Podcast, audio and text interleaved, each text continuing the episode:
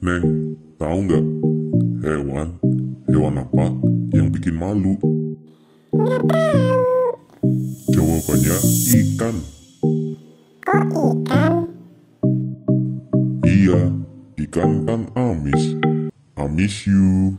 Bisa aja nih taplak meja. Kapten Amerika aka Steve Roger pada awalnya merupakan seorang pria yang kurus krempeng dan sering kali dibully oleh orang-orang di sekitarnya. Dia dilahirkan di Amerika sekitar tahun 1920-an di era Perang Amerika Serikat saat menghadapi sekutu Nazi yang dipimpin oleh Adolf Hitler. Karakter yang dibuat oleh Joe Simon dan Jack Kirby ini di masa mendatang merupakan sosok yang dianggap sebagai pemimpin para superhero Marvel dan memegang peranan penting dalam menyatukan dan mendorong para superhero untuk mengeluarkan kemampuan terbaiknya dalam mempertahankan kedamaian di universe. Pria yang akrab disapa Cap ini bukanlah superhero dengan kekuatan yang menyerupai dewa seperti terbang, mengangkat benda-benda besar, regenerasi super cepat, ataupun mengeluarkan ledakan energi dalam bentuk apa pun. Namun meskipun begitu, dia masih dapat melakukan hal-hal yang luar biasa di antaranya melalui kekuatan, ketahanan, dan kelincahannya yang melebihi manusia pada umumnya. Pertanyaan lalu muncul, Apakah kemampuan fisik Cap yang menjadikannya pantas sebagai pemimpin Avenger? Menurut Dr. Abraham S. Selaku pencipta serum Super Soldier yang merupakan asal muasal kekuatan Captain America, Steve dipilih jelas bukan karena Steve adalah orang yang kuat, melainkan justru karena dia lemah.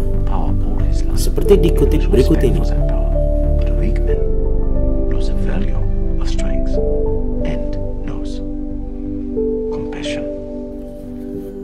Namun untuk kualitas, kita tidak akan bahas di video kali ini karena tentunya Cap digambarkan sebagai seorang yang berbudi luhur, mempunyai jiwa pemimpin, dan pantang menyerah sebagai simbol dari orang Amerika itu sendiri.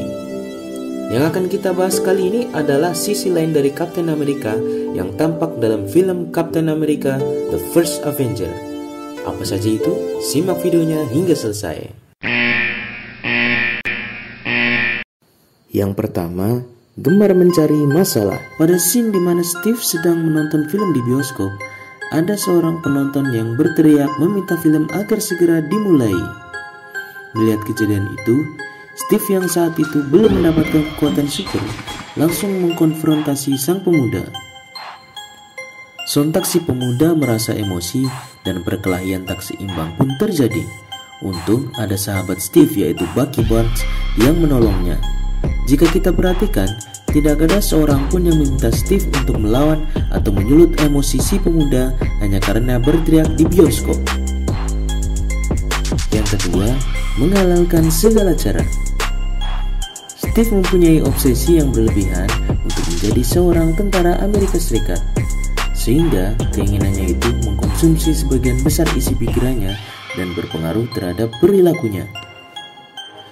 Dalam scene pendaftaran untuk menjadi tentara Amerika Serikat, Steve Kepergok telah melakukan aktivitas ngibul sampai lima kali.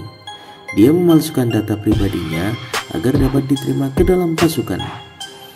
Namun alasan itu jugalah yang salah satunya membuat Dr. Eskrin memilih Steve untuk menjadi super soldier pertama melalui serumnya.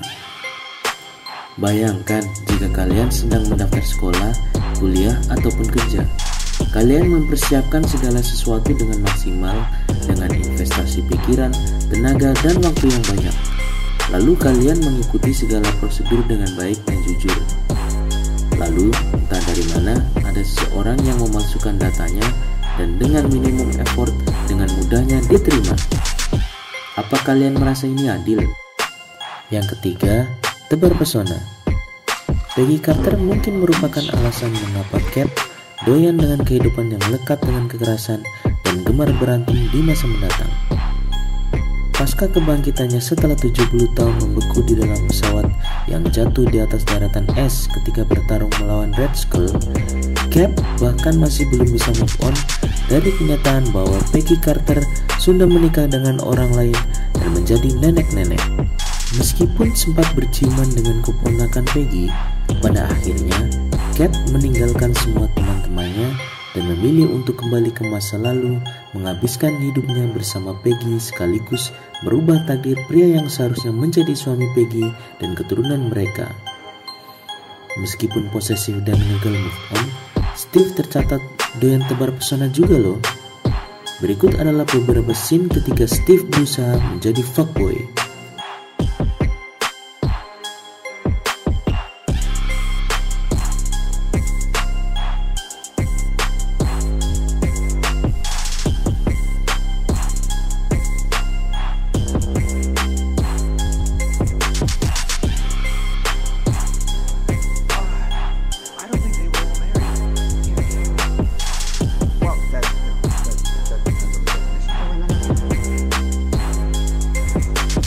Yang keempat, meninggalkan teman. Steve memang hampir bersedia melakukan apa pun untuk melindungi nyawa orang-orang yang tidak bersalah, termasuk mengorbankan nyawanya sendiri. Seperti di saat Cap mengorbankan nyawanya dengan menjatuhkan pesawat yang membawa hulu ledak untuk menyelamatkan para penduduk kota yang terancam. Meskipun di beberapa scene kita juga melihat bahwa Cap sering kali meloncat dari pesawat. Kenapa Cap tidak mengarahkan pesawat ke tempat yang tidak berpenghuni, lalu meloncat sebelum tabrakan terjadi? Apa pun alasannya, berkat tindakan Cap, jutaan nyawa terselamatkan dan Cap berhasil menyelamatkan hari meskipun dengan tindakan yang nekat. Terlepas dari tindakan heroiknya, Cap beberapa kali tertangkap kamera meninggalkan teman-temannya juga loh.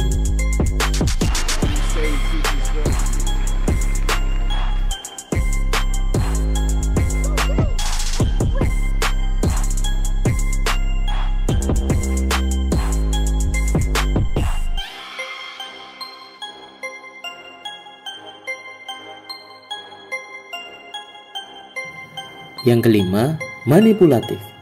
Meskipun Cat bukanlah salah satu yang termasuk sebagai anggota Avenger dengan kemampuan fisik yang terkuat, namun Cat mempunyai kemampuan lain yang tidak kalah hebat, yaitu mampu membuat orang lain melakukan apa yang dia inginkan.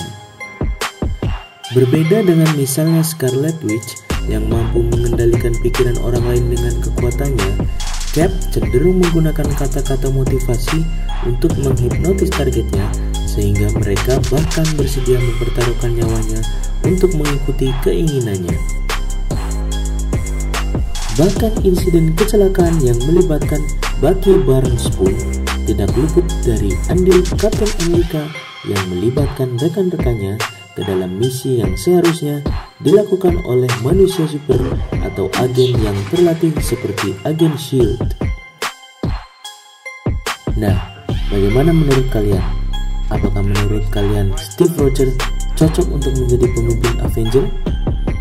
Tinggalkan komen kalian, like jika suka, dislike jika nggak suka, dan salam saga.